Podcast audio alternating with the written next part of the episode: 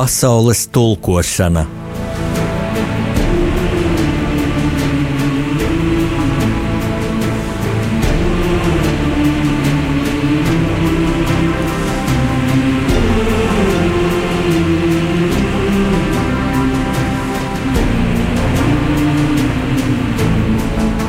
Studijā rakstnieks Jānis Udris.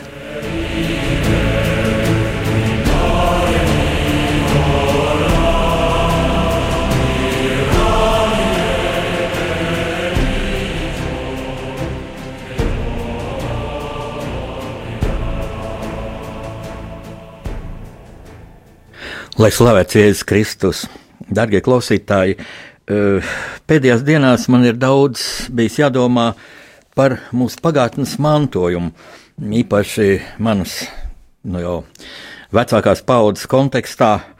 Pagātnē ir daudz kas pieredzēts, eh, ne visu var aizmirst, varbūt arī ne visu vajag aizmirst, bet uh, ir lietas, ko mēs ņemam līdzi šodienā un rodās jautājums, apkārtējiem rodas jautājums, vai ir vērts to vai citu atmiņu elementu, to vai citu notikumu mūsu dzīvē, ierakst mūsu biogrāfijā, atcerēties, ņemt līdzi un padarīt par šodienas problēmu. Lūk, tāds sarežģīts pieteikums, kas būtībā sākās ar, ar mūsu cienījamā kino vecmeistara Jāņa Streiča ierakstu Facebookā. Mm, Pagājušajā nedēļā viņš ierakstīja tā, ka uh, apsveikt vīriešus padomju armijas uh, dienā ir muļķība. Un bija vēl kaut kāds vārds, atvainojiet, aizmirst, nu, bet nu, kaut kāds muļķības sinonīms. Ja? Ieraksts, ka mēs pilnībā piekrītam ļoti cienu Jānis Streičs, viņš arī ir bijis manā rakstnieku pārunu stundā. Un tā es pēkšņi atceros, ka Streičs arī mm, iepriekšējos gados ir tā rakstījis pirms 23. februāra. Un ne bez pamata, jo 23. februāris jaunieši to varbūt nezinās, bet mana paudze to labi atceras, arī, domāju, video paudze atceras. 23. februāris bija mm, padomju iekārtas laikā, piemēram, Savienībā, tā bija e, svinam diena, tā bija PSRS armijas un jūras kara flotes diena. Lūk, tāds tas oficiālais uh, apzīmējums, un tad uh, arī man par lielu pārsteigumu uh, Tagad jau pēc Latvijas neatkarības atjaunošanas mm, vīriešiem sievietes sāka sūtīt apsveikumus, īpaši ar internetu attīstību, Facebookā, e, profilā draugiem LV. Arī man tāds apsveikums ir pienācis. Mm, apsveicu vīriešu dienā. Un, nu, jāapsveic vīrieši, un droši vien no tīra sirds, un vēl tur kaut kāda e, virtuālā puķīte ir klāta atsūtīta. Nu, nebūtu ko satraukties, bet, bet pārdomas manas iesākās pēc tam, kad, lūk, pēc šī Jāņa Streiča ierakstā, kam es saku, vēlreiz es parakstos pilnībā par to. Tā ir muļķība un, un kaut kur apvainojoša un neizprotama. Ja? Un sāka parādīties tādi komentāri, un tieši no vīriešiem, uh, Nu, it kā loģiski, jā. Ziniet, ko, nu, ja tu neesi bijis armijā, tad, tad, tad nu, tu to nesapratīsi. Es biju armijā, es tur kļuvu par vīrieti, es ar to lepojos. Un tā tālāk, un tā tālāk. Un tad atkal pretī ieraksts, vai nekas tur ko lepoties, tā bija padomju okupanta armija. Un, un rodās konflikts tur, kur tam nevajadzētu būt, un es tagad. Es gan tūdaļ teikšu, nevienu nenosodot un kategoriski neuzstājot, ka nedrīkstētu teiksim, nu, tādu pozitīvu ierakstu publicēt. Nu, pie mums gal galā satversmes simtais pants ir aizliegta cenzūra, un, un, un pat ja cenzūra būtu atļauta, es negribētu šo nepateicīgo pienākumu uzņemties. Es vienkārši gribu rosināt uz pārdomām, kas bija šī padomju armijas diena, kas, kas, šī, kas bija šī padomju armija, un tad nu, izdariet secinājumus paši. Mm, ziniet, kad min padomju armiju. Tad man nāk prātā atmodas laiks, kad vēl Latvija bija formāli PSRS eh, viena no republikām, kad latviešu puiši tika iesaukti šajā padomju armijā. Un kā likums aizsūtīt kaut kur tālu prom no Latvijas, no nu, ļoti, ļoti retiem izņēmumiem, uh, varbūt tā kā, piemēram, ansambls Zvaigznīte, mm, kādreiz 70. gados tika izveidots Rīgā. Mm, viņi tur bija bāzēta mm, Krusta baznīcās, tāda viena no celtnieku vienībām, armijā bija arī celtnieki, kas būvēja dažādas militāras objektus un arī ģenerāļiem vasarnīcas. Uh, un, un tur viens veikals uh, pulkvedis, tāds uh, salasīja talantīgs latviešu puišus un, un, un ļāva viņam dienēt Latvijā un, un muzicēt. Un tā izveidojas an, ansamblis Zvaigznīte, kur jūs varat redzēt arī filmā Četri balti krēkli, Trojārs Grīmbergs un Un vēl puisis Ulrichs Stabulnieks, pavisam jauniņš, sēž pie klavierēm. Tas bija izņēmums. Bet vēsture šai nu, latviešu sūtīšanai tālu prom no Latvijas. Nu, būtībā te jāsāk ar Otro pasaules karu, kad sarkanajā armijā bija pat divas latviešu divīzijas. Mm, daudz tajās bija iestājušies brīvprātīgi no latviešiem, kas devās uh, 41. gadā, kad Rīgā padomju okupācijas varu nomainīja Vācu okupācijas varu, kas evakuējās tālāk uz Padomju Savienību. Daudz iestājās brīvprātīgi, jo Lūk, Kārļa Ulmaņa laikā skolās bija ļoti mācīts, ka vācieši ir iekarotāji un briesmoņi un melnais bruņinieks, un Latvijas jācīnās pret melno bruņinieku un tā tālāk. Tāda ļoti intensīva propaganda pret Vāciju, ne pret Padomju Savienību. Jo, nu, Ulmans gan baidījās no padomu savienības, gan arī viņam bija tāda idealizēta mazliet priekšstata par šo lūku padomi valsti, kur tā ir nākusi cariskās Krievijas vietā, un cariskā Krievija tas bija slikti. Nu, tagad, lūk, šī kaimiņu lielā valsts, nu, tagad, tā katrā ziņā ir labākajā un nav ienaidnieks. Un pie tam mums bija draudzības līgums ar Padomu Savienību, tātad Latvija droši un tā tālāk. Ja. Uh, un kad šie latviešu karavīri, šīs divas divīzijas, kas bija apvienotas korpusā, kas bija ļoti varonīgi cīnījušies, latvieši vienmēr ir bijuši labi karavīri. Kad viņa lielu pompu, tātad 44. Eh, gada oktobrī ienāca Rīgā, nu patiesībā tas bija liels eh, teātris. viņi pat no Daugavas kreisā krasta, kur viņi ar kaujām bija nonākuši tik pārcelti uz labo krastu, un it kā no Juglas puses, lai ienāktu nosaļot gar brīvības pieminekli. Es tur citu par to stāstīju jau pagājušajā gada oktobrī. Tāds teātris, bet nu rīdzinieki daudz sagaidīja jūsmīgi, jo, jo tur bija viņa radinieki un tēvi, brāļi mm, dēli. Uh, Un pēc tam, pēc kara, latviešu puiši, kas tika iesaukti padomju armijā, dienai patiešām Latvijā, kazarmas bija pie Krusta baznīcas, vai aiz Krusta baznīcām, kur tādi ir bāzēts mūsu štāba bataljons, un bija latviešu strēlnieku divīzija. Tā tas pastāvēja līdz 1956. gadam, kad Ungārijā bija uh, antikomunistisks sacelšanās, kuru padomju armija apspieda uh, asiņaini, patiešām asiņaini ar, ar tankiem apšaudīja. Ne tikai bruņotos Ungāru revolucionārus, bet arī sievietes, bērni gāja bojā zem tanku kāpurķēdēm.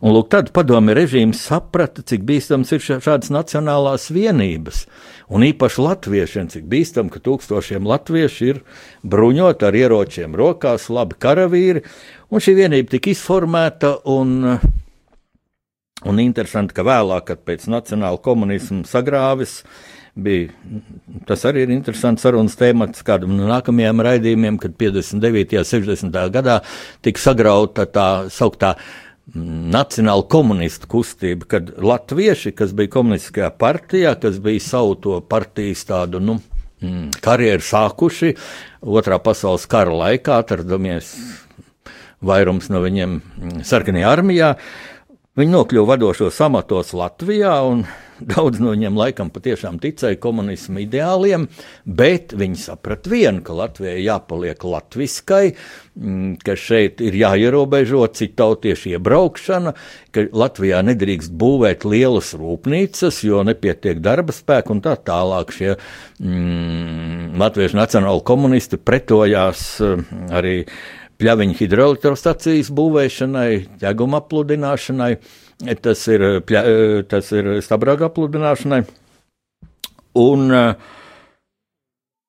un pēc tam, kad šī latviešu strēlnieku divīzija tika izformēta, mm, tie otrā pasaules kara veterāni, kur bija karojuši šajā divīzijā, tur bija tādi populāri latviešu vārdi, tur bija ministri, Latvijas PSR ministri un kara komisārs. Jānis Čaša, kur nu es kāpēc sauc par Ivanu Čašu, bet viņam bija, zinām, tāds nacionālais sentiments, un viņš kā Jānis tika godināts ar apvainagu, un tas notika bieži vien Jāņos šī sabraukšana. Un tad, lūk, kad nāca pie varas jau Augusts Arvīts Pelše un Augusts Vos, tad viņi sāka šos kompartijas veterānus, bijušos šīs var, varonīgās, patiešām varonīgās Latvijas divīzijas veterānus, sāk tā nicīgi saukāt par divizionšķikiem un būtībā aizliedz viņiem pat šādas pulcēšanās. Ja tur čeka sekoja un kāpēc jūs tieši Jāņos sapulcējāties un Jāņa vispār ir buržāzes svētki un tādas muļķības. Nu, atgriezīsimies pie mūsu dienām, teiksim, kāds puisis, kas ir 80. un 70. gados dienējis um, padomju armijā. Nu, protams, tas bija viņa pienākums pret, pret pastāvošo varu, ja viņš to nedarītu, um, viņu dažādi represētu. Starp citu, bija ļoti izplatīti latviešu puiši un vispār visā padomu savienībā vairījās no šīs armijas un un simulēja dažādas slimības, un citi pat, pat garīgas slimības. Komponists Jānis Lūsēns nesen atzinās, ka viņš ir bijis psihiatriskajā slimnīcā. Viņš vienkārši tēloja, ka viņam ir psihiskas problēmas, jo viņi ielika tur pārbaudīt. Tā kā nekādā sajūsmā par šo kara dienestu nebija.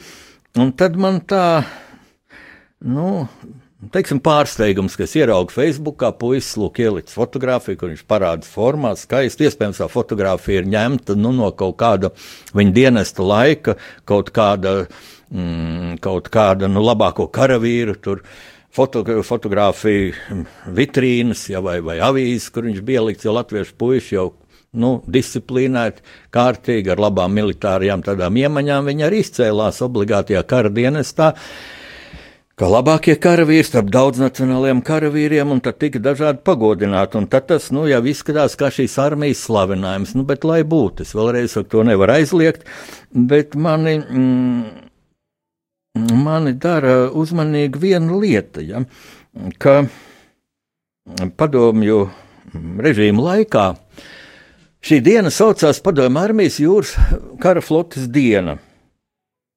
Tagad Tā sauc pavisam savādāk, ieklausieties uzmanīgi. Krievijā, Krievijā šī diena tiek oficiāli atzīmēta ar lielu pompu, īpaši tagad Putina režīma laikā. Nu, valsts tiek ārkārtīgi militarizēta, ārkārtīgi, ārkārtīgi intensīvi tiek izvērsta militārā propaganda. Mm, man pat tā jocīgi liekas, ka šajos, nu, tā sauktajos uzvaras svētkos, ko būtībā vēl Staļina dzīves laikā vispār neatzīmēja, ko uzsāka Brežņevs šī savu režīmu tādai slavināšanai, ja, jo tur kara laika upuri būtībā bija tik lieli padomu savienībā, ka tur nebija ko lielīties, un kas tā bija par uzvaru, ja, ja Vācija karā pilnīgi sagrauta un, un uzvarēta valsts daudz ātrāk atkopās no kara, no kara zaudējumiem, kā šī uzvarējusi Padomju Savienība. Un pēc tam no Vācijas sūtīja palīdzību sainīšiem sarkanās armijas invalīdiem, veterāniem. Viņa paša valsts nevarēja viņiem nodrošināt kaut cik cienīgu mm, dzīvi. Un lūk, Tagad šī diena, jā, kuru, kuru atzīmē ļoti plaši, man kaut kā derdzīgi liekas, ka mazus bērnus, ja pirmklasnieks un pat bērnu dārza audzēkņus ieģērb sarkanarmiešu formās, un mazi bērni eh, bērndārzos eh, rīko tādus parādus ar spēļu tankiem, un, un, un, un tas man liekas briesmīgi bērnu psihi jau tā eh, saindēt kaut kādas tādas, nu, atraugas no tā mēs redzam arī šeit pat pārdaugavā pie mm, uzvaras laukuma pieminekļa. Uzvaras laukumā, kurš nebūtu nosaukts par uzvaras laukumu kaut kādā sakarā ar Otro pasaules karu. Tas ir nosaukts par uzvaras laukumu sakarā ar Latviešu armijas uzvaru pār Bermanu 1919. gadā. Lūk, un uz šī fona, ja, tagad lūk, Latviešu puiši ieliek savu fotografiju šajā padomju armijas formā armijas, kur okupēja Latviju divreiz, 40. gadā un 44. gadā. Lūk, šajā formā, un cik viss bija labi, cik es biju jauns un skaists, un būtībā tas zemteksts tāds, cik es skaists armijā dienai. Bet Tātad tagad Krievijā šo dienu sauc Ģeņa Zašķitņikā ķečestvo. Tātad tēvijas aizstāvi diena. Un te viss ir ļoti skaidrs. Tēvija, tēvī. Tad jājautā latviešu puisim, kas ir tava tēvija? Vai tā ir Latvija, kas ir šo tēvijas vārdu iegūs no tava tēva. Tavs tēvs te ir dzimis, tavs vectēvs te ir dzimis, tavs vecvectēvs, ja? tava māte šeit ir dzimusi un augusi un viņas senči. Ja Latvija ir tava tēvīte, padomā, ja pirms šo fotografiju, lai tā stāv tavā albumā, bet publiski izstādīt, nu, it kā lai lielītos, mm, lepotos, nu, es ieteiktu padomāt. Nu, ja tev tēvi ir Krievija, varbūt tu esi Krievs pēc tautības, nu, Nu, es nezinu, nu, tā aizbrauc uz Maskavu un piedalīties tur tajās svinībās. Neviens tev to neliekas, bet nu, latviešiem šeit vajadzētu padomāt. Un vēl tāda attieksme. Es Facebookā lasīju šos komentārus, nu, armija tur bija tā jautra un tā, un mēs tur visādi. Visādi tur rakstījāmies arī. Jā, tāds elements noteikti bija, jo puiši jauni gāja meitās, un, un starp citu, daudzi uh, Krievijā arī apprecējies, jo krievu meitenes jau ļoti vitālas, ļoti skaistas un arī ļoti viltīgas. Man puiši stāstīja, ka viņi bija gājuši nu, uz balli un pēc tam kaut kādu turpinājumu vēlējās. Eh, jā, iep, kad iepazinās ar, ar, ar, ar skaistu mm, krievu meiteni, tad tās meitenes bija prasījušas, lai rāda pasi, ja vai nav iekšā zīmogs, ka tu esi precējies, jo PSRS laikā pasē bija zīmogs, ka tu esi precēts vai neprecēts. Un tad tie puiši tur bija Ja kāds ir apprecējies, aizgājis armijā, tad bija no neprecētiem, lūguši, lai aizdod to, to savu pasi un, un, un nu, līdzīgu seju piemeklējot, vai nu, kas pēc tādas balvas tur varbūt iedzēruši niecerēs. Katrā ziņā bija tāda nu, diezgan liela morālā nu, vaļība. Nu, jaunība ir jaunība, bet uh, Pēc tam mm, varbūt radās arī šīs ģimenes traģēdijas, kad puisis apprecējās. E, viņa šī sieviete, sieva kaut kādā Ivānovā, teiksim, tādā tekstilu tekstilu kombināta pilsētā, kur uz varbūt 10 vai 20 sievietēm ir viens vīrietis nu, kur tāda karavīra bija uz izķeršanu, cik es zinu, tā armijas daļa speciāli tur tika izvietotas pēc šīs Ivānaus darba sieviešu lūguma. Lūk, nu, viņas sapnis piepildījās, viņa atbrauca uz Latviju. Bet mentalitātes bija ļoti atšķirīgas, nekāda īsta sadarība, mīlestība nebija. Ļoti atšķirīgs arī šis kultūras līmenis bija. Šīs ģimenes parasti iz, izīra bērns pēc PSRS tādas tradīcijas, un nu, ne pēc rakstītiem likumiem, bet pēc dzīvē realizētiem likumiem, palika pie mammas. Un tad es ļoti brīnījos, kad mūsu atmodas laikā bija tāda nu, precāvēšanās ar tautas fronti un tā saukto interfronti, darbļaužu internacionālo fronti, kas bija būtībā krievu šovinistu kustība. Uh, ka tajā interfrontē bija daudzi tādi cilvēki, kas runāja krieviski, bet ar izteikti latviskiem vārdiem un uzvārdiem. Vai arī nu, varbūt krievu vārds bija kaut kāds Valērijas un uzvārds Krūmiņš vai Bērziņš. Ja? Un tās bija lūk, tās, tās šķirtās ģimenes, kur latviešu puisis, jauns puisis, kaut kur aizsūtīts tālu prom No Latvijas lūk, viens nav kam padomu paprasīt, nav vecāku, nav draugu. Nu, noprec to meiteni, vienkārši piespiež noprecēt. Ja. Meitene ar viņu nu, pavadīja vienu, vienu kaislīgu nakti, un pēc tam, ja viņš pazuda, gāja karaspēka daļu un teica, lūk, šis te mani paveda tagad tā, kā viņš man precētu. Nu, arī tādi gadījumi bija. Bet eh, tas varbūt nav viss tas derdzīgākais, bet, lūk, atmodas laikā pirmās tādas, vienas no pirmajām pretpadomju kustībām vai demonstrācijām, es atceros, notika Doma laukumā, kad sapulcējās mātes, pie tam tur bija gan latviešu mātes, gan krievu mātes, ar karavīru fotografijām. Tie bija viņu dēli, kas bija nogalināti padomju armijā nogalināt tā sauktajā ģedaušķīnā. Šo dedzīgo vārdu pat grūti ir pārtulkot, bet tā ir tāda tradīcija, ka atnāk jauns karavīrs. Tad vecākie karavīri viņu nu, skaitās, ka kaut kā pārbauda. Nu, tas ir līdzīgi, varbūt augstskolās tur studenti tur tos fukšus pārbauda un tā, bet tur tas notiek nu, labsirdīgi vai, vai nu, ar kaut kādu humoru vismaz atblāzmu, bet armijā tas notiek briesmīgi, kad zvērīgi sit un, un bieži vien nosita. Un, un tad, kad sākās pie mums atmoda un šis lūk, nu, padomu ideologu formulējumā buržāzskais nacionālisms, tad faktiski padomju armijā tika dota zaļā gaisma tādējādi izreikināties ar latviešiem, ar lietuviešiem, ar igauniem. Un tad viena no prasībām ša, ša, šīm mātēm bija paša atmodu sākumā, nu, ja nevar savādāk, tad vismaz lai ļauj šiem dēliem dienēt uh, Latvijā, tajā teritorijā, no kuras viņi ir ieradušies.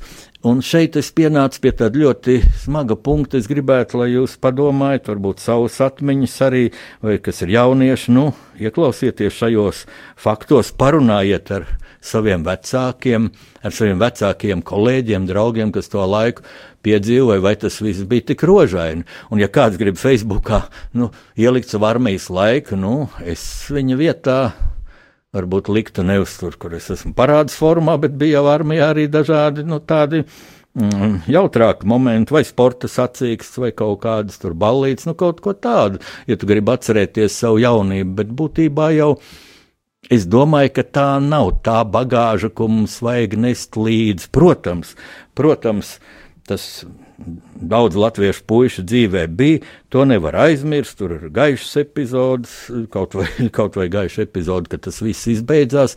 Bet kopumā tas bija pārāk smagi šis dienests mūsu okupantu armijā. Un, ja nu sievietes tā saka, nu, kad tad, lai jūs apsveic, kad tad vīriešiem taču nav tāda diena, ja nu, šo padomju armijas dienu arī neviens nosauc par vīriešu dienu, jo, jo ne jau katrs ir dienējis šajā armijā daudz izvairījās sakarā ar veselības kaut kādām problēmām, arī studenti, studējot daudz izvairījās. Nu, bija arī tādas, tādi gada gājumi, kad iesauc pēc augstskolas uz gadu dienai.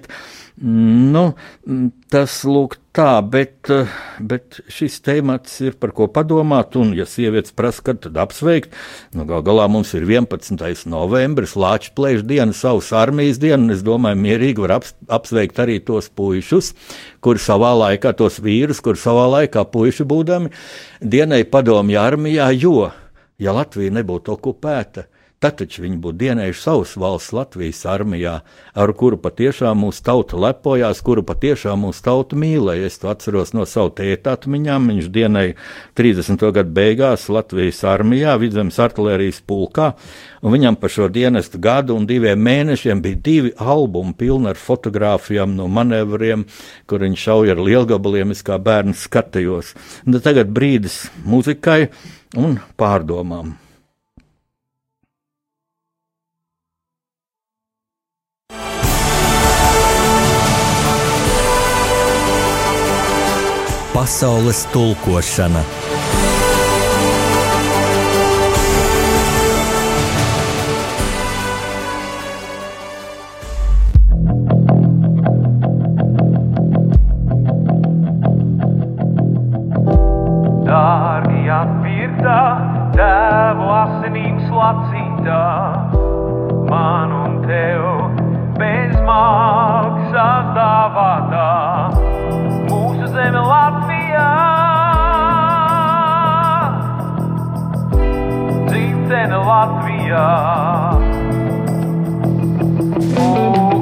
Pamodos redzot sarkano krāsu, asins, kas tika lietas par manu brāli un māsu. Uzreiz es pārlasīju katrā varoņa stāstu, kā mūsējie cīnījās, plēšot vilks un lāčus. To, ko svētīs Dievs, to cilvēkam nebūs šķirt. Dievs svētīja Latviju, bet kādam nācās mirt. Tas spēks, ticība, cerība, kura mūsos mīt, var iedrošināt piecelt tos, kuri krīt. Katra diena, lai tiek iesākta ar pateicību, katrs vārds, lai stiprina mūsu attiecības, katrs elpas vilciens, lai tiek veikts ar pieejamību, jūtot savu zemes zem kājām, jūtot brīvību, kā Baltijas ceļš varants, kā Baltijas jūra. Sadodamies rokās, neturot savu gaismu zem pūra, jo to mums ir daudz un iespējas liels. Mīlestībā uz valsts iedāsim Latvijas ielās.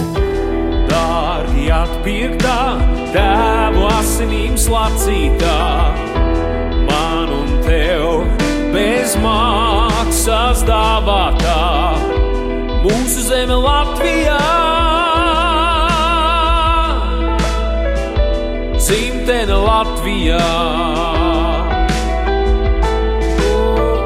Asinīs sarkans ar baltu jaucas, nesam liela bet dižena tauta. Tā nav nejaušība, ka mums sava zeme ir.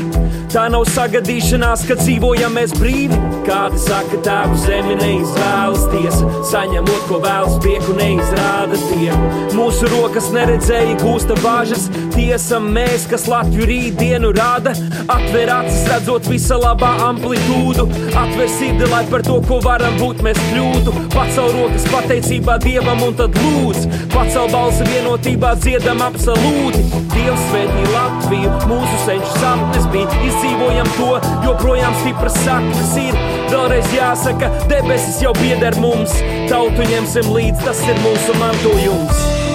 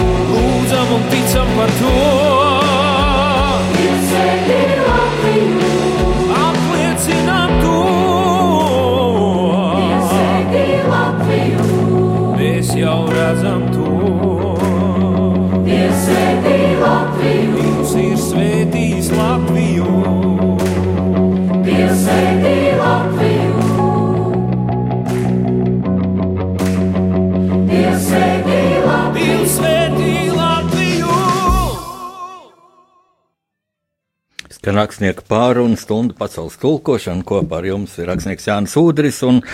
Es runāju tātad par šo kādreizējo padomju armijas jūras kara flotas dienu, mūsu attieksmi pret to.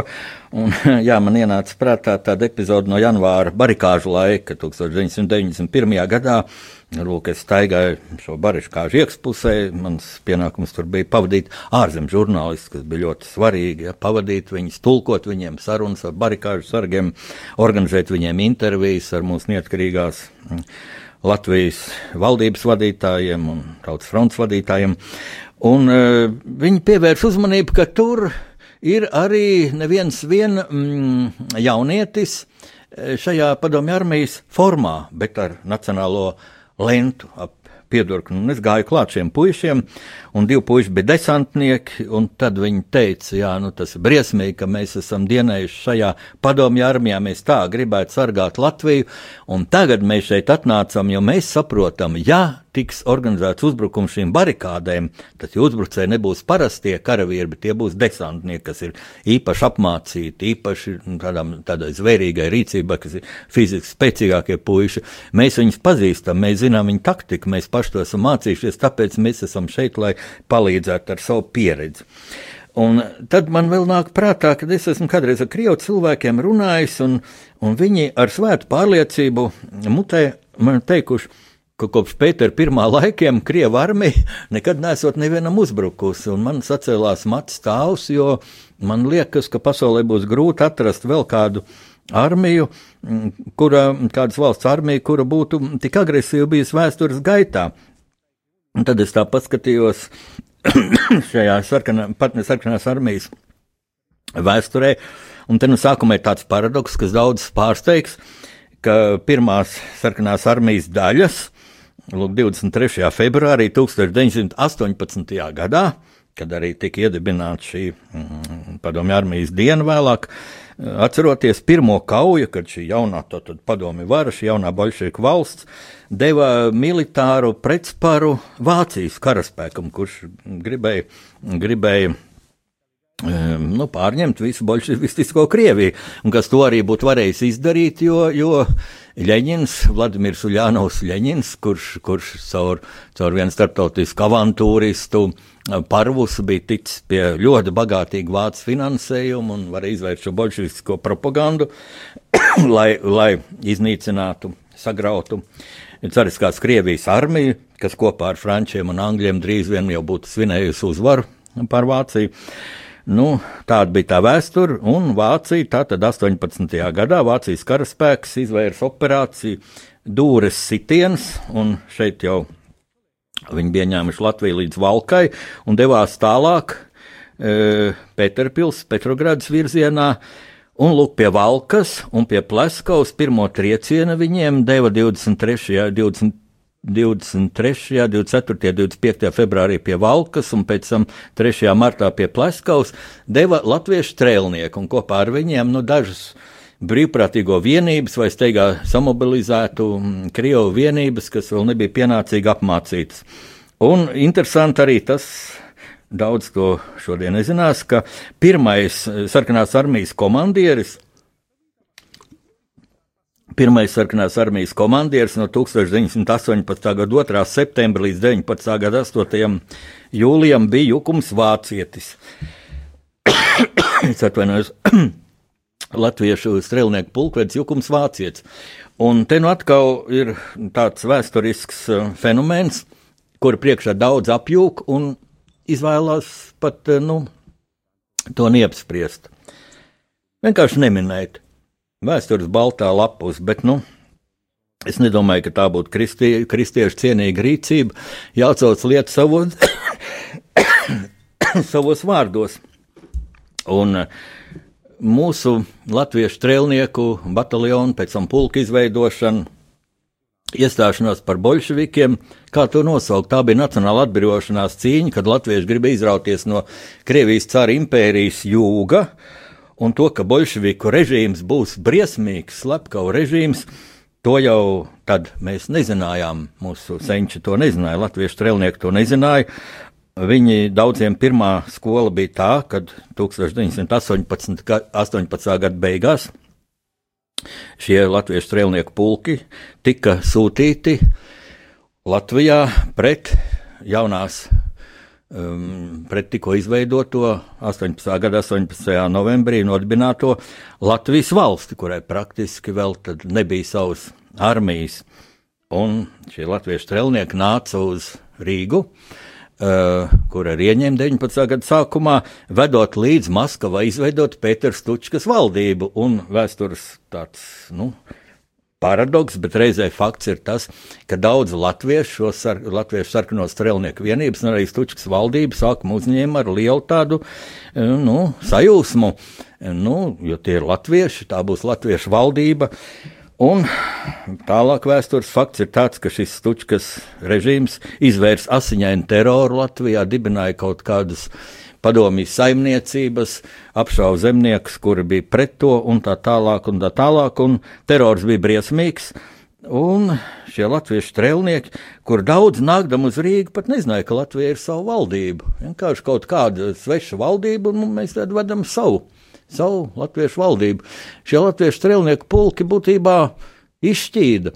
Es esmu runājis savā laikā ar bijušiem latviešu sarkaniem strēlniekiem. Viņi stāsta, kāpēc viņi vispār Pirmā pasaules kara laikā iestājās šajos latviešu strēlnieku bataljonos. Nu, armijā no vienas puses bija jāiet tāpat, viņi tiktu mobilizēti, un tad viņi bija ļoti priecīgi, ka varēja iestāties latviešu eh, karaspēku vienībās, ko komandēja latviešu virsnieki. Tādu ceru Krievijas armijā bija daudz, jo militāro izglītību var iegūt mm, bez maksas. Un talantīgs puisis tur labprāt uzņēma no Latvijas. Nu, viņa labprāt tātad, vadīja savus latviešu vienības. Un tā šīs vienības ar tādu rūktu pilsoņu kara pieredzi un vilšanos, pat viņi tur apsargāja Ļeņinu un citas tādas ļoti īpašas uzdevumus veica lai nosargātu šo alternatīvo valdību, kas bija cara Krievijai. Jo, ja būtu re, restaurēta cariskā Krievija, tad, protams, nekāda Latvijas neatkarība nevarētu pastāvēt. Un arī, teiksim, nu, nosacīt demokrātiskā Krievijas republiku, ko vadīja Kerenska valdība negribēja nedzirdēt par Latvijas neatkarību. Nu, lūk, tāds šis latviešu strēlnieku fenomens. Pēc Krievijas pilsoņu kara daudzi, pārsteidzoši daudzi izcili latviešu nu, militārie speciālisti komandēja lielas Krievijas, sarkanās Krievijas, PSRS e, karaspēka daļas. Piemēram, Jēkabs Alksnis bija visa kara aviācijas komandieris, nu, un viņi visi tika iznīcināta arī Jukums Vācietis, pirmais eh, sarkanās armijas komandieris 30. gadu represijās. Bet jaunā mm, sarkanā armija, mm, viņi jau neuzbruka tikai Latvijai, viņi izvērsa ļoti plašu kara darbību un dabūja pamatīgu asiņainu mācību 1920. gadā, kad uzbruka Polijai, jo Lūk, Ļeņinam, Staļinam un visai Bolševiku partijas vadībai. Tobrīd vēl galvā sēdēja šī pasaules revolūcijas ideja. Tātad vispirms iekarot Poliju, kurā bija nodibināta mm, nacionāla valsts pēc cara impērijas sabrukuma. Poļi ļoti lepni, ka viņiem ir jauna valsts, un viņi ļoti ātri veidoja savu armiju ļoti patriotiska, spēcīga armija. Protams, bija problēmas ar ieročiem, ar bruņojumu, bet bija daudz militāro speciālistu, kas bija dienējuši cara Krievijas armijā. Piemēram, vēlākais maršals Pilsudskis, izcils karvadonis, stratēģis. Un tā ideja bija tāda, ka ļoti ātri sakaut Poliju, jo Poļi jau savus buržuļus nogāzīs un atbalstīs sarkano armiju, nu un tad tālāk iet uz Vāciju, un Vācija, kas bija karā cietusi un sakaut, kur valdīja Bats, un kur vēl īsti pie varas, pat nebija pie varas apvāršņiem parādījies Hitlers, it kā pilnīgi tāda nu, bezvaras situācija. Vācieši ļoti ātri pievienosies eh, šai nu, padomju ofensīvai, nu, un tad jau tālāk Francija un, un Anglija, un tad jau Eiropa būs komunistiska, un, nu, nezinu, varbūt Amerika uzzinot, arī uztaisīs revolūciju. Nu, pilnīgi idiotisks plāns, bet tobrīd šie nu, panākumi, šī pēkšņi iegūtā vara bija Ļeņinam sakāpus galvā, un tad no poļi ļoti ātri šo, šo sarkano armiju sakaujot, atradināja bolševiks no šiem pasaules iekarošanas plāniem. Ir tāda poļu mākslas filma, kas arī beidzas ar to, ka Mm, Ļeņins tā drūmi stāv pie kartes, skatās, kā viņa armija sakaut, saka, nu, neko nevar darīt, mums nāksies sociālismu celt vienā valstī. Un Staļins uzpīpē pīpīt un domīgi aiziet. E, un tas bija tāds fenomens, šis poļu armijas e, panākums, ko sauc par tiešām par Varšavas lielo Varšavas brīnumu, brīnumu pie Vislas, jo sarkanā armijai bija ārkārtīgi liels militārais pārs, pārspēks. Tur viena armija vadīja Tuhačevskis, citu Orošīlos, vēl citu jātnieku korpusu Budjonijas, un viņi ļoti strauji tuvojās Varšavai, bet interesanti, ka poļi, būdam mazākumā, sakopoja visas rezervus, pat, pat to nepieciešamo, kā Varšavas aizstāvēšanai nepieciešamos karaspēku vienības, un meta ļoti trāpīgi vienā kontra uzbrukumā sarkanai armijai, kas uzbrucēju spēkus sašķēla uz pusēm, un viņi dabūja panikā beigt. Un interesants tāds moments bija, ka tobrīd eh, kara, kara darbībā parādījās rādio. Ļoti primitīvi vēl pārraidīja pa radio ne uz balsi, bet moras signālus. Un poļiem bija izdevies, poļiem bija labi militārie speciālisti, kas bija Austrumgārijas armijā dienējuši tieši radio izlūkošanas vienībās, un viņi Viņi uztvēra šos sarkanās armijas radiosakarus un sāka raidīt uz to pašu vilni pretī tekstus, ko sarka, kas sarkanajā armijā radīja apjukumu. Viens, ka sarkanās armijas vadība saprata, ka viņu teksti ir atkodēti, tiek atšifrēti, jo šifrus nu, militārie speciālisti var, var at, ātrāk vai vēlāk atklāt to kodu un atšifrēt slepenos tekstus. Bet poļi gudroja ko viņiem raidīt, lai traucētu šos radiosakarus, lai sarkanās armijas vadība būtu apjukumā. Un tad Pilsudskis, maršals Pilsudskis, viņam, viņš bija ļoti reliģijos cilvēks, pārliecināts katols, viņam rokā bija bībele. Viņš pēkšņi ieraudzīja bībeli, nolika tiem saviem radistiem priekšā, teica, uh, uh, raidiet veco derību. Un tie no kuras vietas? No paša sākuma. No paša sākuma. Un tad interesantajā filmā ir kadri, kā šie sarkanās armijas kā viņi pārsteigti un tulko. Un kas tur ir atšifrēts šajā Bībeles tekstā? Bet atši, tur nekas nebija šifrēts, tā bija Bībele, vecā derība, un būtībā Dievs arī palīdzēja poļiem. Bija viens nacionālais varonis, katoļu priesteris, kurš tad, kad ļoti kritiskā brīdī jau sarkanā armija uzbruka Varšavas apkaimē pēdējai, pēdējai nocietinājuma līnijai. Un poļu ceļš pretiet, pretriecienam jau ir izbeigusies munīcija, iet pretriecienā ar durkļiem. Un sarkanā armijas šauja pārspēks ir liels, un šis priesteris tad pieceļas un izvelk krustu, un iet Dieva vārdā ar pacelt krustu. Un tā viņš krita, viņam ir varša uzcelts piemineklis. Bet es skatos, cik man ir laiks atlicis vēl raidījumam, un gribu teikt, ka tas nebija vienīgais sarkanās armijas uzbrukums un kauna pilnā sakāve bija dažādas militāras provokācijas, ko Padomju Savienība realizēja pret citām valstīm un mēģināja īstenot apvērsumus un kontrrevolucionāru tādu, mm, tādus mm, projekts īstenot. Nu, laikam lielākais kauna traips sarkanās armijas vēsturē bija 39. gada ziemas karš pret Somiju, kad viņi domāja ļoti maziem spēkiem iet Somijā, un tad Somu tauta šito naivumu sacelsies un un pievienosies pirmajā sarkanās armijas iekarotajā pilsētiņā, Terijoki, nodibinātajā nu, padomju marionetes e, Kūsinena valdībai pievienosies un pieņems šo režīmu. Nu, protams, nekas tāds nenotika. Sarkanā armija cieta milzīgus, milzīgus zaudējumus un kaut te bija milzīgs pārspēks. Un, protams, Soma arī cieta milzīgus zaudējumus. Nu, pēc Somu vēsturnieku aplēsēm šajā ziemas karā krita 70 tūkstoši somu karavīru un arī ārvalstu brīvprātīgi, jo Somijam palīgā bija gājuši apmēram 11 tūkstoši brīvprātīgi no citām valstīm, galvenokārt no, no, no Zviedrijas 7000, bet tur bija arī, arī no citām valstīm, arī no, no Latvijas, no Igaunijas, no Lietuvas, kaut, kaut Latvijas valdība, Ulmaņa valdība to tā kā neļāva, bet, nu, ne visam var izsakot.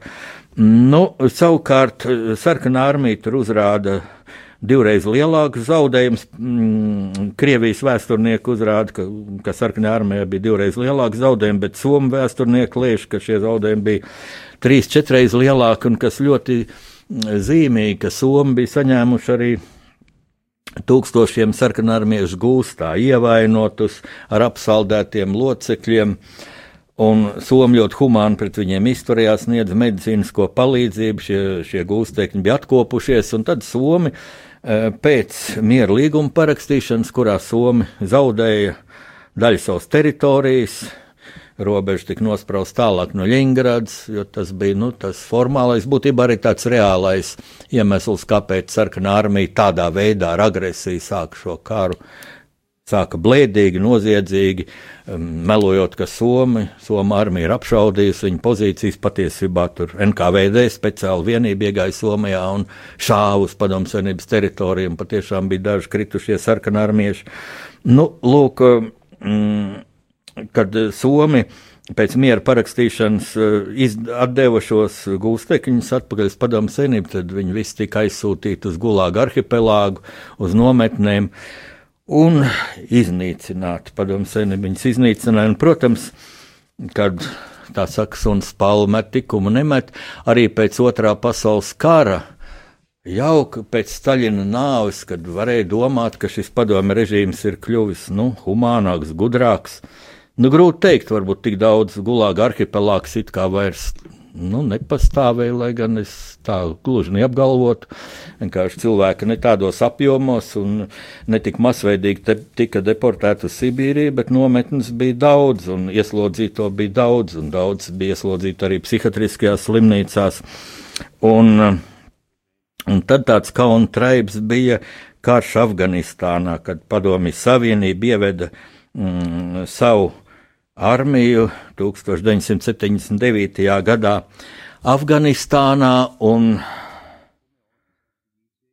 un tur nu var izsakot, ja paskatīšu Afganistānas kara vēsturi, tam arī, ka šis padomu režīms bija skurtējis jau varbūt pat vārdu tiešā nozīmē, jo, jo, jo, jo šie poli, politbirojas, kas visi kā lēma jau ļoti senīlā, ļoti marasmātiskā Leonīda Brežņeva vadībā, pirms daudz, daudz, daudz gadus, jo izrādās tāda. tāds stagnācijas stāvoklis bija daudziem ļoti izdevīgs, jo valstī varēja zelt korupciju un, un valsts izsaimniekošanu.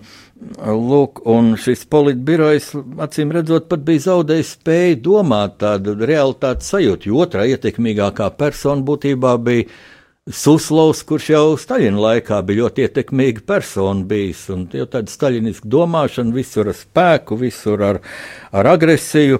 Mm, un, lūk, kaimiņu valsts padomju savienība, Afganistāna, it kā tur nodibinās revolucionāra valdība, to vada Taraki, kas, protams, ar savām afgāņu metodēm diezgan teroristiski tur izrīkojās.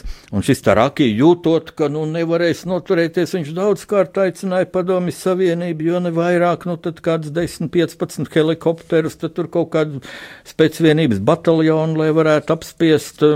Apspiest savus opozicionārus, jo šim Tarakīt kā bija sava armija, Afgāņu armija, bet viņa jau bija neusticama un, ja tas režīms nepatika, viņa vienkārši pārgāja muģahēdu pusē un cīnījās pret šo režīmu. Nu, Tarakī bija tāds vietnieks, otrā persona, Amīns, kurš, nu, kurš bija tāds, kurš, kurš vairāk pasolīs tam pievienosies, un amerikāņi šajā vairāk solīšanā sāka vinnēt, tā kā padomju savienība šis Amīns jau grasījās, mm, nu, saukt amerikāņus palīgā, Un tādu padomu politbirojas līdz 79. gadā pieņēma lēmumu, nu tā pa īstam ietiekšu Afganistānā ar armiju, un es atceros to laiku, kad mm, sākumā mm, turp sūtīja Uzbeku, Taģiku, Turkmēņu vienības, kas zina vietējos apstākļus, kas pieraduši pie tā vietējā klimata. E, Afganistānā Afganistānas teritorijā dzīvo daudz viņu tautiešu, turkmeņu, uzbeku. E, nu, domāju, nu, tie varēs veiksmīgāk e, karot, bet nu, izrādījās, ka nevar šiem cilvēkiem uzticēties uz nekādas militāras noslēpumus un ko. Un šīs vienības cieta liels zaudējums, un daudz uz, padomju uzbeku un turkmeņu pārgāja muģahedu pusē. Un tad nu, sāka sūtīt uh, no Baltijas valstīm no Baltijas, nu, tā sauktām padomu republikām tajā laikā, diezgan daudz latviešu puiši dienai Afganistānā, daži arī tur atdeva dzīvību. Un tie skaitļi ir diezgan traģiski. Man te ir pierakstīts priekš mazā, mazajai Latvijai. Kopējais bojā gājušo skaits padomju armijā bija 15,051 karavīrs, nu, vēl ievainoti gandrīz 50,000 E, karavīri no Latvijas karā piedalījās 3640 karavīri. Pareiķiniet, cik tas ir daudz, ja 3640 karavīri. No tiem 62 gāja bojā un 177 guva dažādas pakāpes ievainojumus. Tātad 2,5 apmēram šo puišu es e, tikos ar šiem jaunajiem cilvēkiem, kas atnāca no, no mm, Afganistānas. Uh, vai nu izdienējuši, vai bija sakropļoti un tādēļ atbrīvot, atlaist mājās. Un bija ļoti sāpīgi mm, runāt ar viņiem. Tas bija vēl padomju okupācijas laikā. Mm, Limbažos, Limbažu rajonā toreizējā kāda karavīra māte, viņas dēls dienēja Afganistānā, un viņi, viņi izveidoja tādu klubu, kur šos puišus apvienoja. Uh, Un es ar šiem puišiem tikos, un tā sāpīgi redzēt jaunu, ļoti skaistu puisi, kur, kuram līdz celim noraut kāju, un viņš klibo uz protēzes. Un viens puisis kā ārēji viss būtu kārtībā, bet reiz viņam mamma bija saukus, ej, nāc pa televīziju, skaties, tavējos rāda, un viņš iet un tur rāda Afganistānu. Un viņš bija paņēmis ar dūri triecis stikla durvīs, ja, jo viņam bija galīgi sagrauti nervi. Un tad viņš rādīja ka viņam kaklā amuletu vietā ķēdīte ir pakārt, mm, ame, pakārt nu, šī afgāņu monēta, afgāņu monēta. Un kāpēc tā? Viņš viņš, viņi gājuši ierindā, ne ierindā, bet nu, ķēdē viens aiz otru pa kalniem. Katru brīdi viņi zina, ka uz viņiem var šaut šie muģahēdi, Un pēkšņi viņš ierauga kaut kas spīd, viņš pieliecās un šī monēta. Un tajā brīdī, kad viņš ir pieliecies virs galvas, aiziet lode jau un ietriec klinti. Ja viņš nebūtu pieliecies pēc šīs monētas, viņš būtu beigts.